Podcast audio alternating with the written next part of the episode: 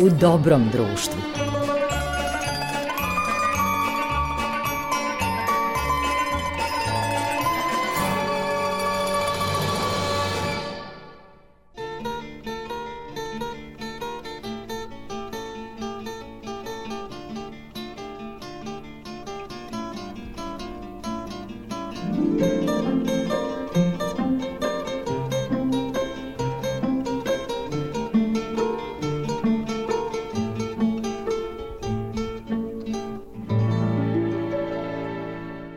Poštovani slušalci, dobrodošli u novo izdanje emisije U dobrom društvu.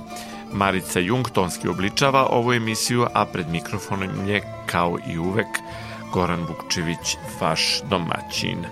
E, naravno, imamo gosta kao i uvek ovoga puta, to je filmski kritičar Dejan Dabić. Ovaj vrsni poznavalac umetnosti pokretnih slika, dugogodišnji je urednik filmskog programa Niškog kulturnog centra. E, takođe, dugogodišnji je i umetnički direktor festivala glumačkih ostvarenja u Nišu, a od nedavno on je i na čelu Martovskog festivala, Beogradskog festivala, dokumentarnog i kratkometražnog filma koji je upravo imao svoje jubilarno 70. izdanje. Vredno je napomenuti da tu nije stao gospodin Dabić, on je aktivan u čitavom regionu, a od pre nekoliko godina je i selektor filmskog festivala u Somboru. Dakle, slušamo razgovor sa gostom ovog izdanja emisije u Dobrom društvu, gospodinom Dejanom Dabićem, filmskim kritičarom.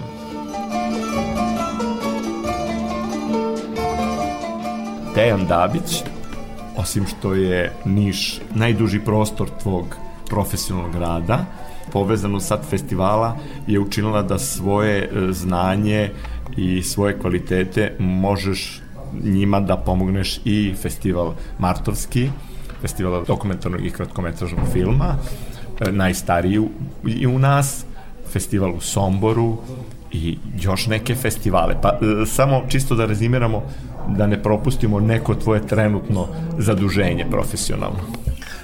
Mm, ono što je najvažnije, dakle, uz Niški festival gde sam i selektor filmova i voditelj pres konferencije, urednik kataloga i tako dalje, znači, što kažu u Hrvatskoj katica za sve, dakle otprilike kada je reč o Niškom festivalu dosta toga pada na moja pleća. Martovski festival je najveći profesionalni izazov jer je najstariji domaći filmski festival iduće godine slavi 70 godina kao i festival u Puli kao što znamo oba festivala su počela 54. godine kao jedan jedinstven festival jugoslovenskog filma da bi poslednje to zajedničko izdanje bilo 59. i onda je doneta odluka da od 60. godine dođe do odvajanja od marta 60. festival jugoslovenskog dokumentarnog i kratkometražnog filma ima svoje sedište u Beogradu, a Festival Jugoslovenskog igranog filma ima svoje sedište u Puli. Tako da, kažem, ovo moje angažovanje kao umetničkog direktora Martovskog festivala već u drugom mandatu i kao nekoga ko će a, učestvovati u obeležavanju jednog zaista ogromnog jubileja od 70 godina, gde ljudi koji ne prate previše film, pa možda čak ni kulturu, kažu da li je moguće da taj festival ima 70 godina, to je ono najstarijih festivala u Evropi, tako da ljudi prosto nisu svesni znači Martovskog festivala koji se godinama, neću kažem srozavao, ali on nije bio u fokusu, a neki drugi festivali su među vremenu dolazili. Ima tako svoje da, mršave godine. Da, da, da, tako da sam ja, pošto volim Martovski festival, dosta ga dobro poznajem, čini mi se da smo baš ispali partneri u jednom trenutku, da sam ja malo pomogao Martovsku, malo Martovski meni, tako da to je, dakle, druga, ovaj, da kažemo, bitna stanica, inače imam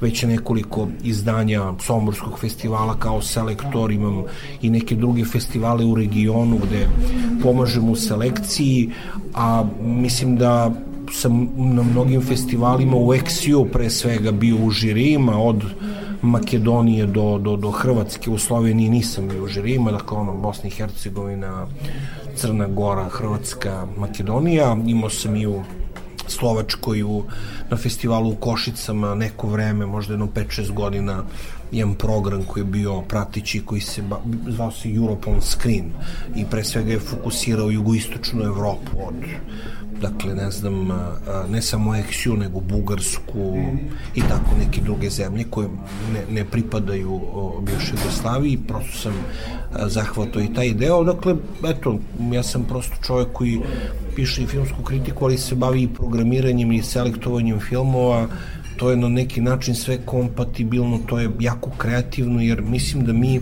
ponekad a, svoju kreativnost a, ulažemo u te festivale i da ljudi ponekad i nisu svesni da to ipak ne može baš svako da radi i da ta neka kreativnost koju uložimo u te festivale se odražava i na te festivale.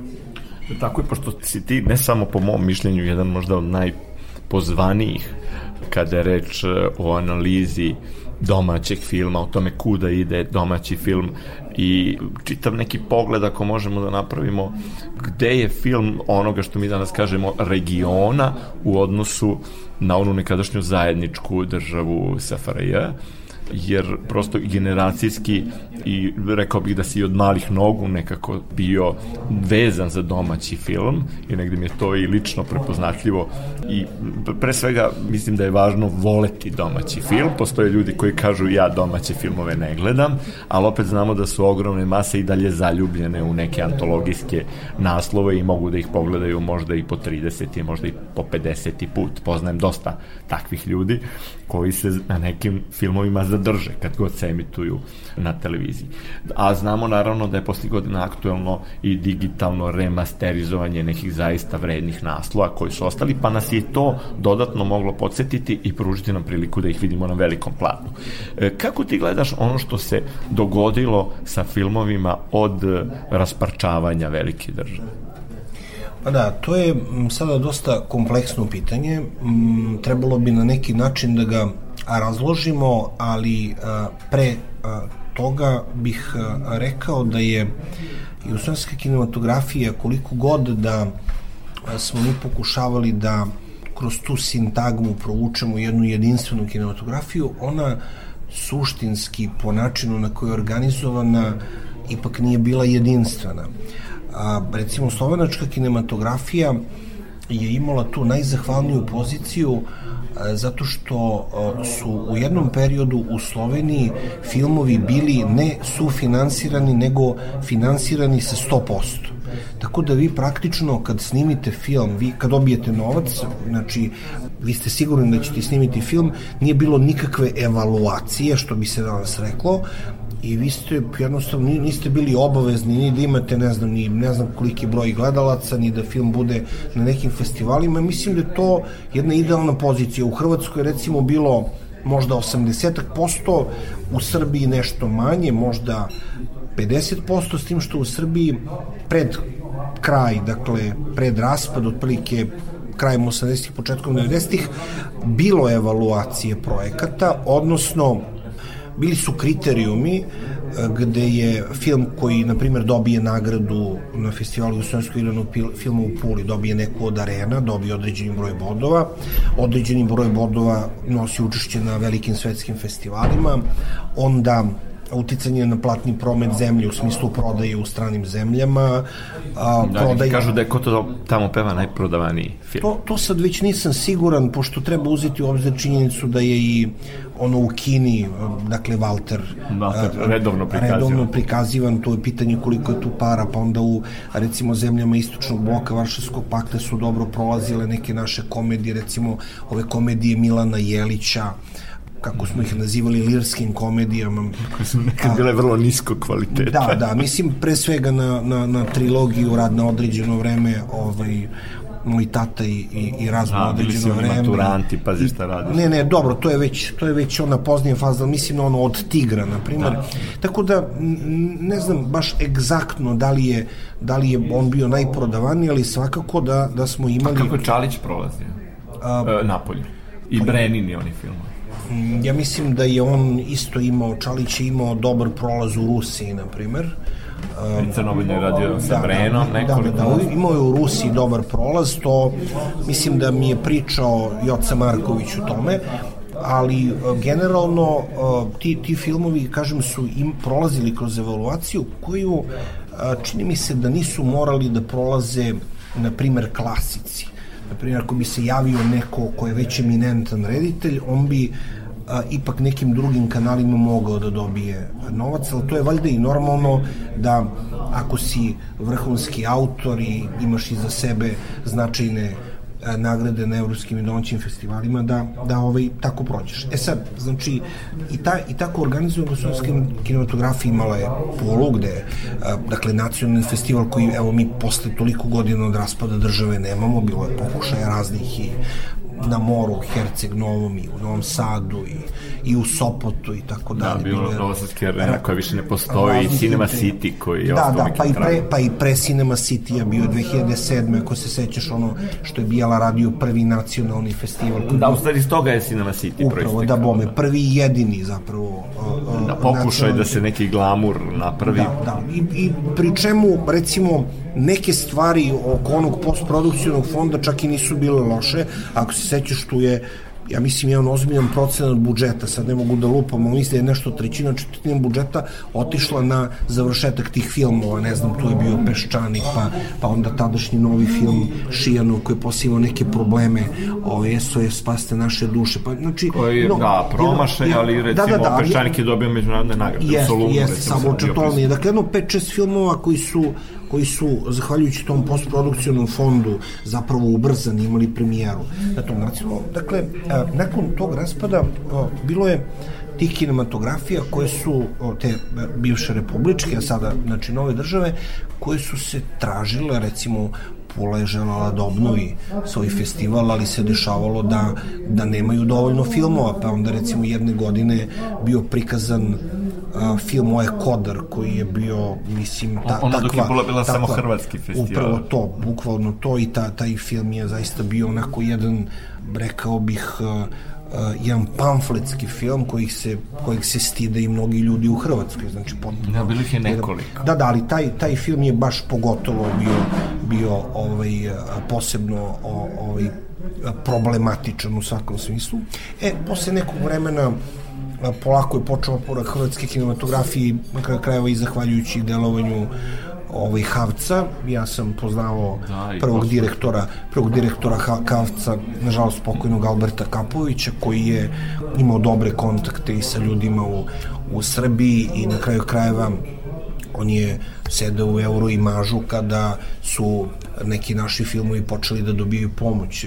Hrvatska je bila pre nas član euro imaža, a Srbije pre Hrvatske dobijala sredstva za svoje filmove, zahvaljujući kvalitetu. Ali polako su, znači oni zahvaljujući delovanju Havca počeli da napreduju, kod nas nije bio problem nikad tog nekog broja filmova, mi smo uvijek bili vitalni i možda nisi biti rekao Uvijek je najveća produkcija bila u Srbiji. Pa upravo to najobimnija. I na uštrb nekad i kvaliteta, ali svejedno, po, pogotovo delovanjem uh, Ali par, FCS, par filmova je vredno. apsolutno Filmskog centra Srbije. E sad, gde je počela, rekao bih, možda ta neka vrsta renesanse kada je reč o gledanju a, domaćih filmova, mislim da je zapravo Šotra bio jedan od onih koji je uveo sa televizije u filmsku produkciju taj podžanr filma nostalgije. Film nostalgije je karakterističan pre svega za američki film, pogotovo za te neke periode u ranijem razvoju američkog filma, pa se posle to vratilo u nekim 70. godinama, ali to je priča o boljoj prošlosti koje nije bilo. Mi mislimo da je ta prošlost bila bolja, ona naravno nije bila bolja, prošlost. da bome, ali, ali nama izgleda lepo da mi taj period kad se govorilo o, i, i kad su ekranizovani romani Mirjam i tako dalje, mi hoćemo da verujemo da je to tako lepo izgledalo ili, ili Sremac i tako dalje. I onda prosto kad vi stavite na jednu liniju filmove kao što su ekranizacije Mirjam pre svega na televizijima da su i neki filmovi od toga nastali pa onda recimo Ivkova slava. zonu, Zone. Ivkovu slavu, pa Montevideo, pa ste vi ste imali neke druge sportske filmove koji nisu imali taj element filma nostalgije i nisu imali tu vrstu gledanosti. Dakle, to je ono, to, to je prepoznato i u tomi. Da, to je To vratilo. je, to je, to je u stvari nešto što ljudi toga nisu svesni i zato ponekad i kad pričaju o tom i pričaju o nekim stvarima kojih u filmu nema, oni uopšte nisu pravili biografiju ovaj glavnog junaka, niti ih je to zanimalo, dakle, pored ostalog, bitan taj sastojak, dakle, taj peti element je taj film nostalgije, to je ono što ja već godinama pričam i smatram da je to nešto što našu publiku drži kada je reč o toj naklonnosti ka domaćem filmu. Naravno, a, uvek volimo komediju, setimo se recimo nekih komedija, pa i tvoj kolega Milorad Milinković je napravio Mrtav Vladan, jedan zaista film koji u tom trenutku, njegov debitanski film koji je bio otkriće, koji je bio jako gledan, tako da mislim da imamo i tu naklonost ka komediji, ka, ali, ali ne klasičnoj komediji, nego komediji koja ima elemente groteski, crne komedije, ovako malo bizarna, jer, jer to je ono, još od ko to tamo peva i, i, i uopšte tih, da kažem, Kovačevićevih drama, prosto mi imamo tu vrstu naklonosti, to uvek možemo da gledamo, volimo da gledamo, tako da je kinematografija u, u smislu tog odlaska ljudi u bioskop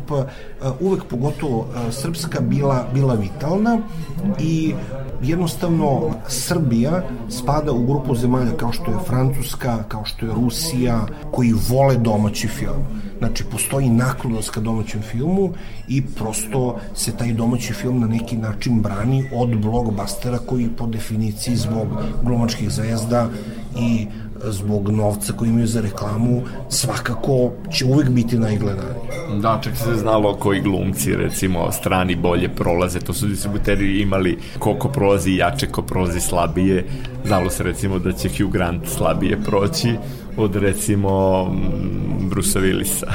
pa da, ali Hugh Grant je recimo uh, za četiri venčanja i sahrane recimo prošao bolje od nekih zato što su neki radili na procenata, ne, neki su uzeli fiksne honorare jer nisu verovali u film. Tako da, svakako kad bismo uzeli od bioskopđija, od prikazivača a, određene liste, videli bismo šta je prolazilo najbolje, ali je činjenica da da su bili i regionalni hitovi filmovi kao što je Toma, kao što je a, Parada i tako dalje, filmovi koji vezuju a, različita podneblja, ne znam, Mali Budo i a, čini mi se da je srpski film u regionu svakako bio najgledaniji, rado gledan i prihvatan čak i recimo u hrvatskim bioskopima.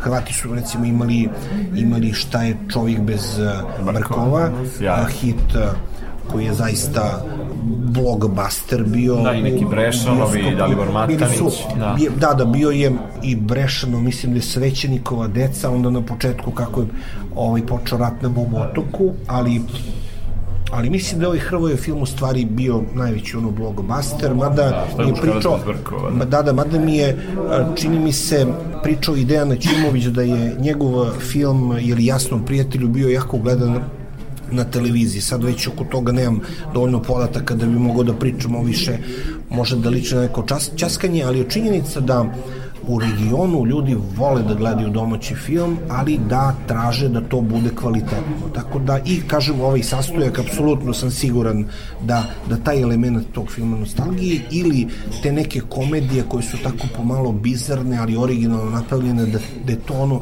što privlači ovu našu publiku koja na neki način traži neku vrstu opozicije u odnosu na stvarnost kakvu imamo. I naravno a, mislim da delovanje Filmskog centra Srbije dosta pomoglo konsolidaciji i kratke forme i dokumentaraca, tako da mi smo prisutni na svetskim festivalima, ima nas i na ITF, ima nas tako dobro, reće neko, mi smo nominovani kao što su nominovani Makedonci za zemlju meda, ali čini mi se da tu nije stvar samo u kvalitetu filmova, nego mi se čini da je malo problem i u a, toj, a, kako bi rekao, a, a, nekoj reklami, nekom PR-ingu koji ti filmi moraju da imaju, jer ne zaboravimo da je zemlja meda provela na severnoameričkom tržištu više od godinu dana od Sundance do nominacije za Oscara tako da su oni bukvalno nisu mogli da ne sretnu taj film. Znači, a naši filmovi kad budu izabrani kao kandidati za Oscara, oni su, čini mi se, nekako skrajnuti, moraju da budu tih sedam obaveznih dana u Los Angeleskom okrugu. Pitanje je koliko uspevamo da zainteresujemo te, da kažemo, članove akademije i jednostavno im utisak da, da ih se naše priče naše podneblje tiče mnogo manje nego što smo mi toga svesni. Da, to sam potpuno siguran i slažem se apsolutno.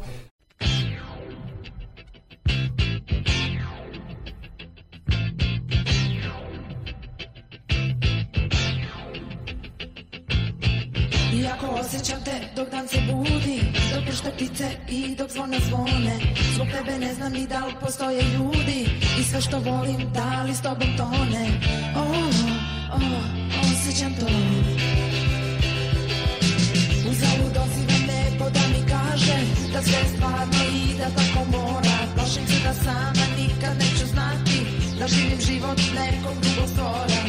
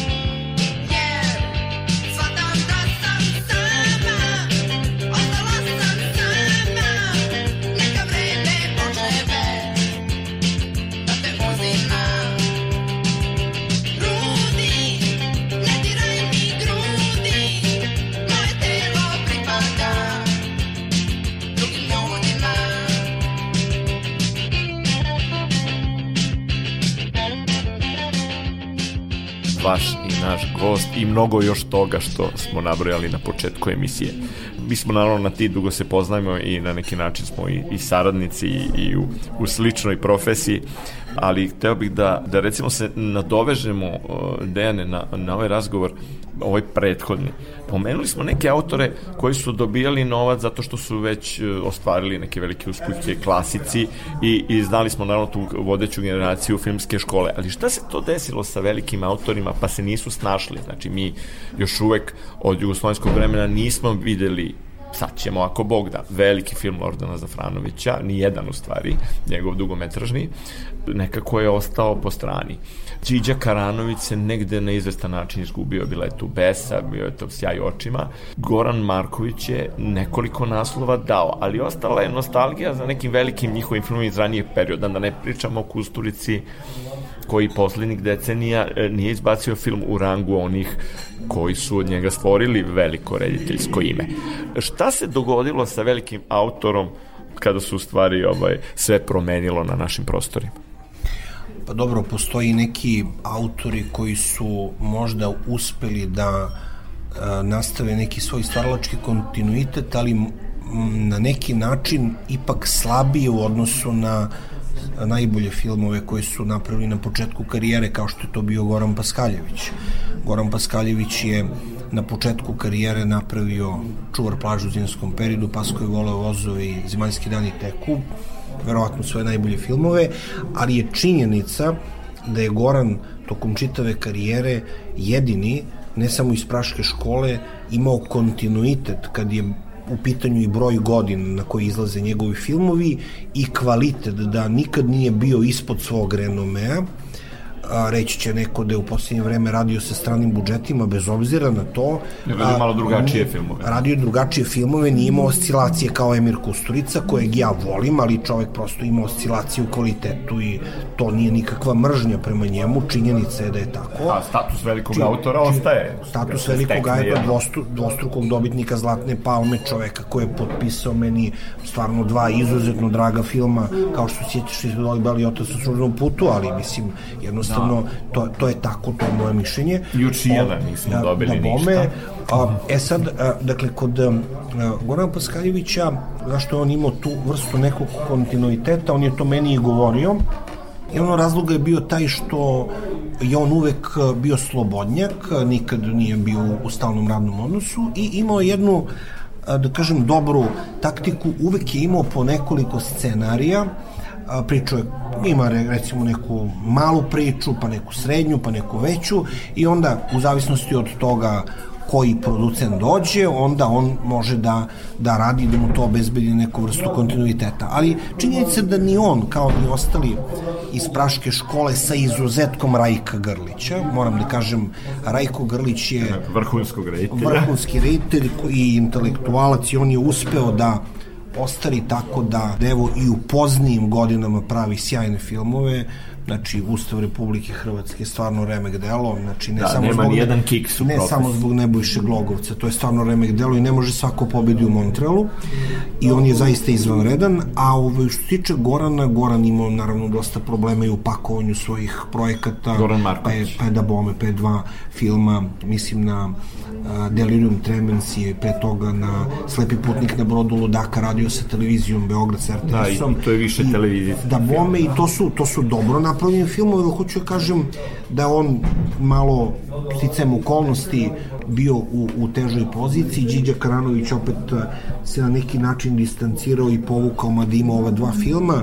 Lordan Zafranović je od svoje matične države na neki način prvo u početku bio skrajnut zbog uh, prosto svojih stavova koji su, koji su, bili, šolti, da. koji su bili mnogo da kažem uh, on je on je dakle intelektualac evropske provenijencije rejte koji je napravio ali ideološki nije odgovarao hrvatskim vlastima nije odgovarao pogotovo i ni ti filmovi okupaciju 26 slika pa naravno on pravi one značajne dokumentarce Krvi pepeo Jasenovca Civitas Dej ne znam, posljednje vreme neki ljudi pričaju o tome kako se nije pričalo o Jasenovcu to prosto nije tačno išlo se na ekskurzije ljudi su pravili filmove to prosto ne, ne znam ovaj, ko, ko to, to kaže. nije otpratio. Pa dobro, mislim, da li je to dovoljno ili ne, ali ne možemo kažemo da nije. Dakle, čovjek je bio potpuno na, na jednoj drugoj ideološkoj poziciji u odnosu na novu hrvatsku državu pojavu Tuđmana, tako da on tu ima dosta problema, živo u Češkoj,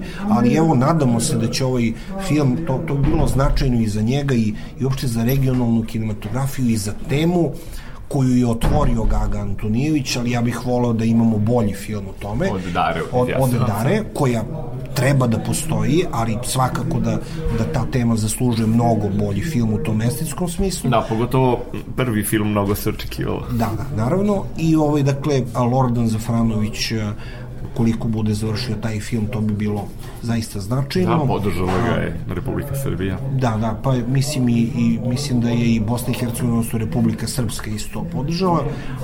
Dakle, to je jedan vrhunski autor koji se možda u ovim okolnostima a, do sada nije, nije snašao, ali kažem, eto, očekujemo. Ovo što se tiče Šijana, on je imao te probleme sa producentima oko onog jednog svog filma, ove druge je pakao sirote male hrčke više kao neku televizijsku produkciju.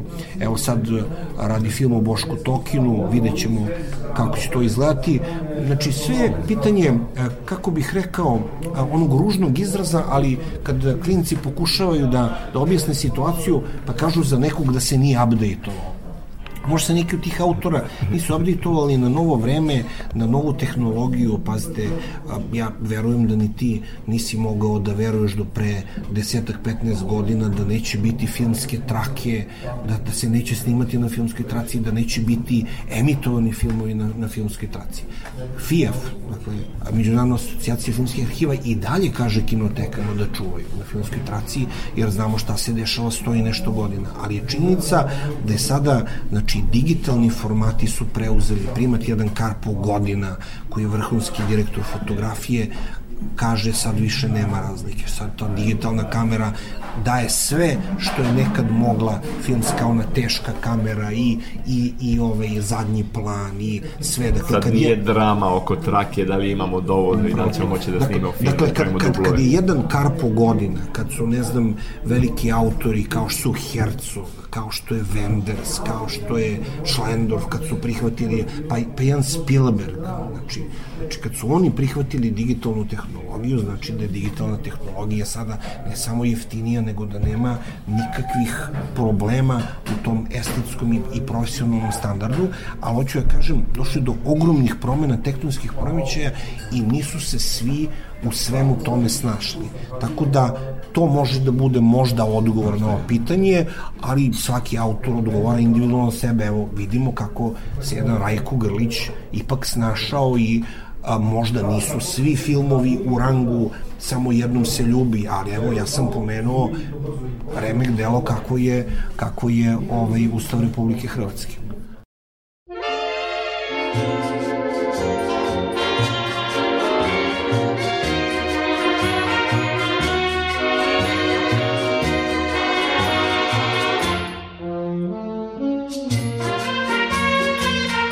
Samo jednom se ljubi, sve je ostalo varka. Često udes nam grubi, šale zbijati zna. Zato mislimo na čas, da je to ljubav žarka. Al taj žar prođe za čas, kao blijeda slika sna. Tad nam se ljubav u misli vraća i svatko svača njen pravi žar. Samo jednom se ljubi i tada srce izgara Kad se taj plan izgubi, tad i prestaje sam čar.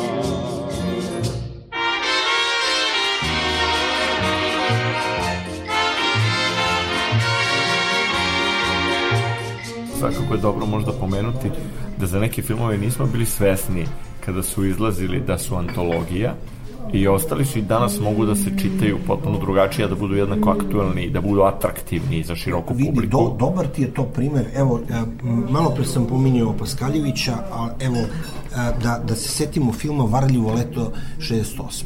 Film Varljivo leto 68. je prikazan na festivalu Gostovijskog jednog filma u Puli 84. godine, nije izabran za zvanični takmičarski program.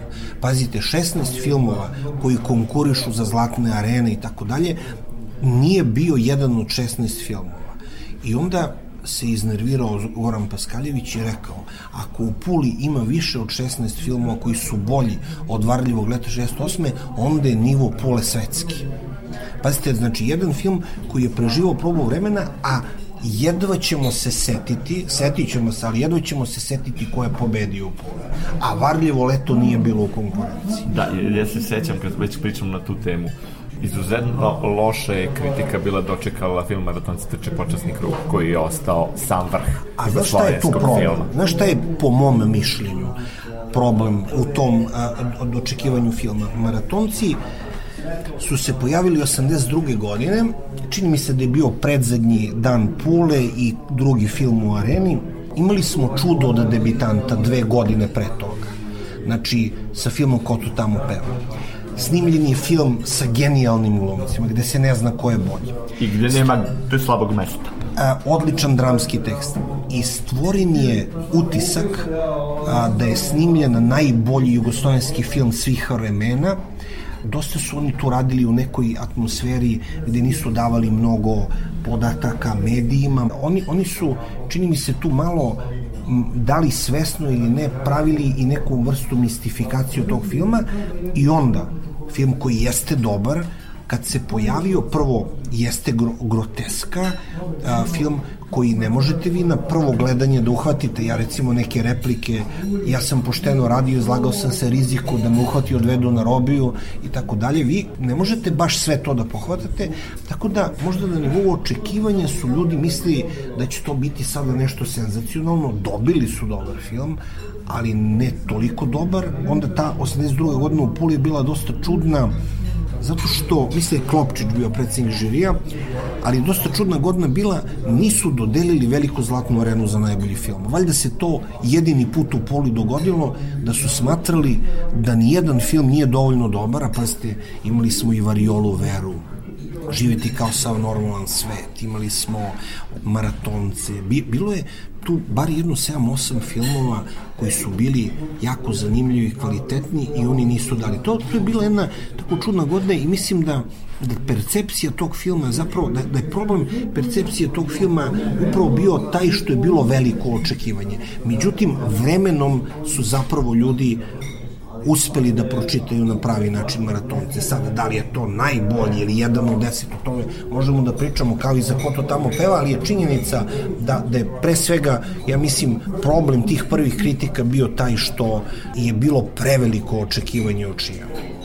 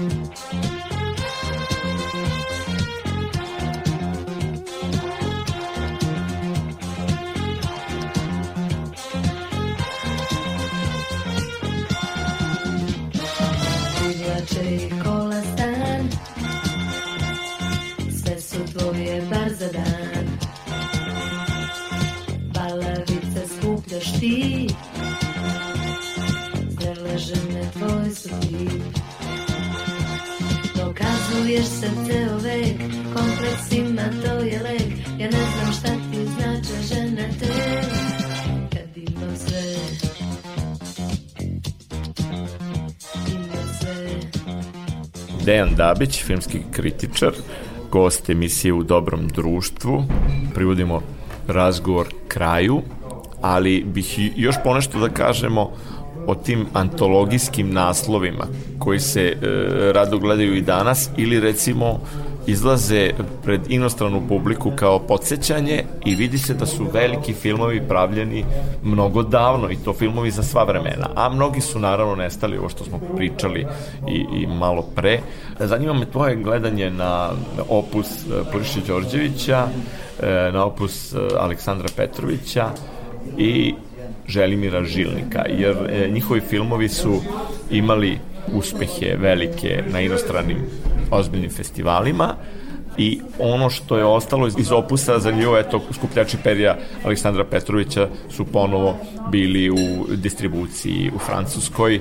Uvek je zanimljivo ono za Žilnika da je u vreme ponoćnog kauboja, kad su bili zajedno u konkurenciji u Berlinu, pobedio upravo uh, jedan film za koji je uh, Josip Broz rekao šta hoće ovi ludaci, ovaj, sad otprilike onako na brzinu da kažemo, a opet Purišini nekoliko naslova Mladomira Purišća Đorđevića, nedavno preminulog, su dan danas neka avangarda veoma zanimljiva, jutro naravno pre svega koje je i nagrađeno u Veneciji, a neki filmi su naravno nestali i deluju potpuno nebitno i promašeno i o tome i Purke sam govorio.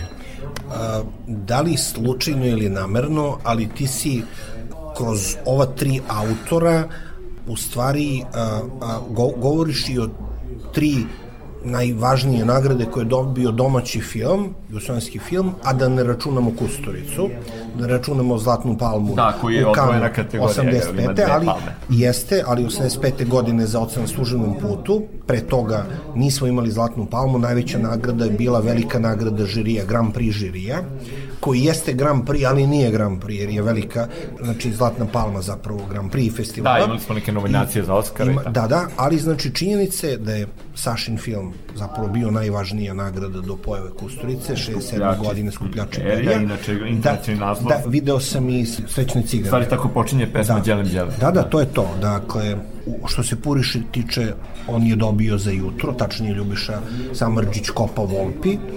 Dakle, niko nije dobio zlatnu glava u vreme Jugoslavije, ali najveća nagrada u, u Veneciji bio Kopa Volpi za glavnu mušku ulogu, to je dobio Ljubiša Samrđić za jutro i Želimir Žilnik koji je dobio Grand Prix u Berlinu, dakle Zlatnog medveda za rane radove. Tako da si ti kroz ova tri opusa na neki način slučajno ili namerno dotakao tri jedna od tri najveća uspeha jugoslovenske kinematografije, jer imao sam skoro sukob sa jednim da kažem, filmskim teoretičarom, kritičarom i tako dalje, koji je sve festivale ocrnio, ne možemo tako, ne pobeđuju uvek najbolji na festivalima, ali ne možemo osporavati Berlin, Cannes, Veneciju i Oscara, jer onda gde smo?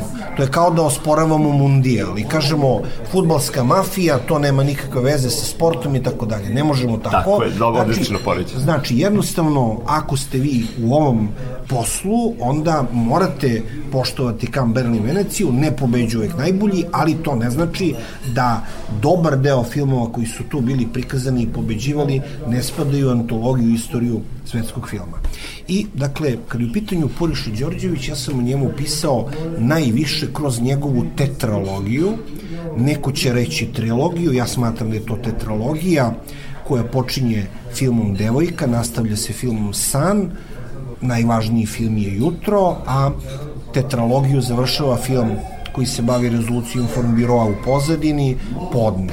I jedno od, da kažem, najvećih priznanja koje sam dobio od nekoga je je moj poznanik koji je gledao kada sam ja predstavljao na jednom kablovskom kanalu tu poetsku tetralogiju, on je kaže prvi put sam dobio uputstvo za upotrebu kako da gledam filmove Puriše Đorđevića koji vrlo često imaju a, te elemente poetskog, nadrealnog, razbijene fabule. Ljudi to ne mogu da prate, pogotovo oni ljudi koji su klasični bioskopski gledalci. Da, kao i, dakle, neke živnikove. Da, i onda sam tu probao dakle, da to sve stavim u kontekst i mislim da sam prilično uspeo i kada je reč o tom kablovskom kanalu i kada je reč o karijeri Nede Arnerić, jer sam za monografiju koju je priredila Anita Panić napisao tekst o a Nedinom triptihu u Purišinoj tetralogiji, pošto Neda nije igrala u prvom filmu, Jutro devojka, da. ali je igrala u snu, jutru i podnevu. Tako da dva puta sam promišljao tu priču i, i mislim da da je to centralni deo Purišinog opusa kad je reč o igranim filmovima ne pričam sad o dokumentarnom i kratkom metru time možemo da se bavimo na Martovskom ali je činjenica da u dugometražnom igranom filmu ta njegova poetska tetralogija će ostati nešto nezaobilazno i antologijskom i u istorijskom smislu kada je reč o jugoslovenskom i srpskom filmu. Mogu naravno da se našalim, imam pravo, čak sam o tome i pisao, da kad je snimao prvi film Puriša, opštinsko dete po Branislavu Nušiću, da je onda a, neke delove tog filma gledao i Slavko Vorkapić, veliki Slavko Vorkapić koji je došao u Jugoslaviju, kasnije je snimio jedan film i pitali su ga Mr. Vorki kako se vama čini taj film i, i da, li, da li to nešto valja, onda je on rekao imate jednu dobru scenu sa onim seljakom u kolo, mislio na ono ja sam ja Jeremija, kaže, a ostalo je loše, ali slobodno, kaže, pustite taj film jer će vas neuspeh možda nečemu naučiti. Pričao je to Puriša kao jednu anegdotu, ali verujem da nije daleko od istine. Ovaj, hoću da kažem, dakle, ova, ova tetralogija Puriša i Đorđevića je nešto iza čega ja apsolutno mogu da stanem i da branim kao kritičar, a film Jutro je svakako jedan od naših najznačajnijih filmova. I nije, nije slučajno da je on dobio nagradu, da je Ljubiša dobio kao velika zvezda ex-jugoslovenska, ali svakako da je film mogao da dobije i nagradu a, i za režiju ili za najbolji film. Što se da. tiče Žilnika, Žilnik je pre svega dokumentarista i on je, kad je reč o dugometražnoj formi, kako i sam ovaj, je svestan činjenice, na neki način uveo jednu novu vrstu žanra, neku, neku vrstu dokudrame koju je on a, negovo kroz ceo i televizijski i ovaj bioskopski opus i tamo gde je probao da izađe iz tog žanra, tamo je bio slabiji kao, ne znam, lijepe žene hodaju kroz grad i tako dalje, neke druge filmove, tamo gde je ostajao a, na doku drami veran sebi. to veran sebi evo pa i u poslednje vreme recimo destinacija Srbistan je jako dobar film znači a, ima žilnik i uspone i padovi, uzlazne i ovo, ali ima jako dobre filmovi u najnovije vreme a rani radovi su bili takav ulazak u, u, u svetu dugmetražnog igranog filma. Što potpuno ispred da, vremena. Dakle, ispred vremena i po formi i, po, i, i, i tematski. I po to, smelosti. To je, da bome, to je rani Marks, čak ovi ljudi koji su ga napadali, oni su napadali ranog Marksa, dakle, to pokazuje njihovo neobrazovanje i to je tačno ova anegdota, to je priča, ovaj, ja mislim, kinooperator iz uh, Avala filma, on je pričao o tom o, o, o toj anegdoti da, da se ti to prilično iznervirao kada je gledao taj film Rani radovi, a mislim da je baš ovde u Novom Sadu bilo nekih napada na njega gde su oni rekli da treba vratiti tu nagradu zato što je to provokacija. Provokacija ovaj, a, od strane a, ljudi koji organizuju festival, jer kako ti možeš da budeš bolji od Johna Schlesingera ili nemam pojma od nekih velikih autora, to prosto nije normalno i dakle Žilnik je uspeo da opstane kroz sve te ovaj, da kažem mene, ali on je po toj doku drami jako bitan, a ja njega pre svega doživljam kao jednog od naših najznačajnijih eh, autora u dokumentarnom filmu i on je jedan od onih autora koji je uspeo da pomiri dokumentarno igrano. Dakle, kao takav je nesumnjivo izuzetno značajan. I kada reč o Saši Petroviću, Saša Petrović je autor koji je od tog, dakle, od svih predsjednika Crnog talasa možda bio najbliži čak i u svojim uh, prvim filmovima, odnosno u ranim filmovima, mislim pre svega na film Dvoje, a tom nekom intimističkom evropskom filmu Antonionijevskog tipa i tako dalje, a onda naravno kroz uh, skupljače perija i on postigao vrhunac na, na tom svetskom nivou, mada je meni intimno već dugo na listi najboljih srpskih filmova svih vremena film 3. Znači film 3 je meni znači savršeni film. I apsolutno remek delo sjajno režirano, Bata Živojinović u jednoj od svojih najboljih filmskih uloga, pogotovo ono u Močvari kad kaže živote i to, mislim da se tu slažemo svi i Zečević to posebno ističe u sjajnoj monografiji o, o Bati Živojinoviću, dakle da, jednako da, uzbudljivi publici i kritici. Apsolutno, tako da, eto, da je Saša Petrović snimio samo tri skupljače perije, nije morao ništa drugo da snima, a on je značajan i u kratkom metru, i u dokumentarnoj formi i kao kritičar, on je kao i Žika Pavlović i Makavev, on je pisao filmu i e, naš pokojni a, prijatelj i kolega, urednik u filmu danas, e, Severin M. Franić je objavio upravo u jednoj ovako, da kažem, prilično obilnoj knjizi te kritike i tekstove Aleksandra Saše Petrovića o filmu, što je jako dragoceno, jer, jer tu ljudi mogu da vide, u izdanju filma danas, mogu da vide stavove Saše Petrovića o drugim filmovima, ali i njegovo svedočenje o tome kako su nastali neki od njegovih najpoznatijih filmova. Tako da o, ova tri opusa koje si pomenuo, dakle, Puriša Đorđević, Žilnik i Saša Petrović, apsolutno spadaju po nekim elementima u nešto što je vrhunac a, jugoslovenskog filma i kada je reč o a, nekoj vrsti, rekao bih, priznanja od svetskih festivala.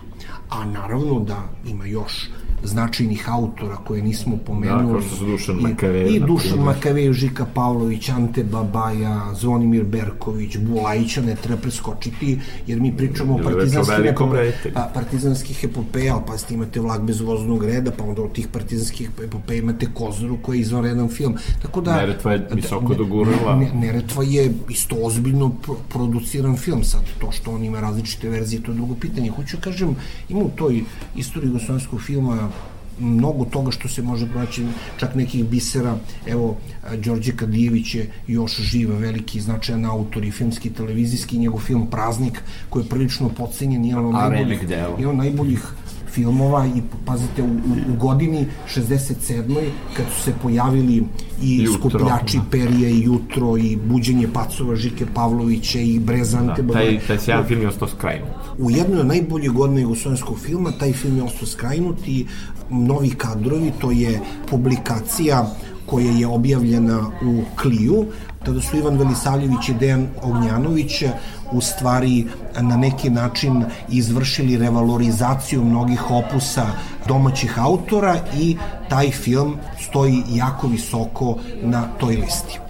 Nažalost, e, ističe nam vreme za ovu emisiju, a bilo bi još jako e, mnogo zanimljivih tema, ali ostavit ćemo to za sledeću priliku. Dakle, mnogo toga se nismo dotakli Živka Nikolića koji ima svoja remek dela. Svakako Živko Nikolić je dobar primer kombinaciji kratkog metra i dugometražnog igrog filma, isto jedan vrlo originalan autor koji ima svoje mesto.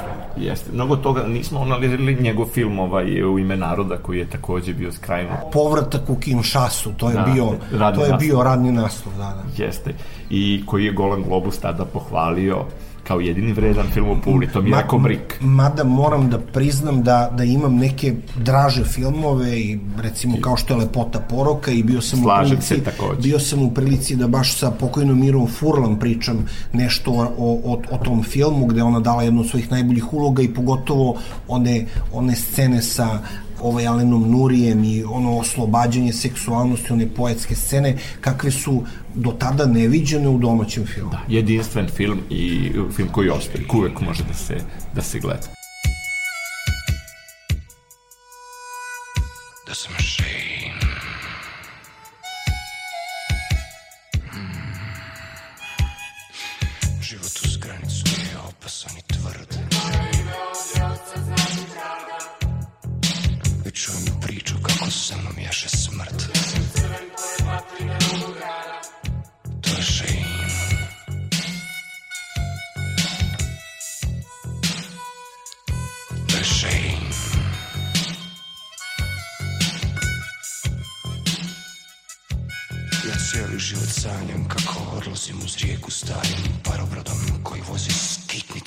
zapad. Ja nosim jednu davnu, nikad prežaljenu ljubav, tanku dugačku cigaru i par mamuza od zlata da sam mršen.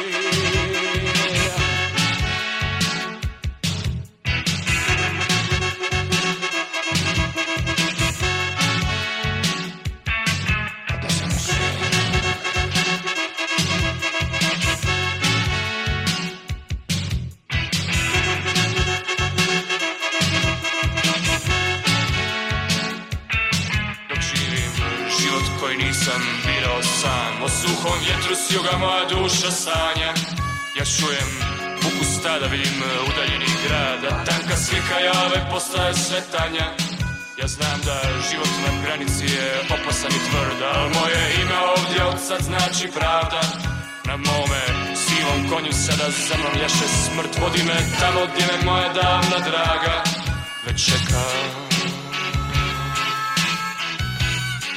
Hvala mnogo gospodinu Dejanu Dabiću. Hvala ti Dejane. To je samo evo ako za kraj nešto hoće da kažeš. Kuda ide domaći film? za sada ide u, u, u dobrom pravcu.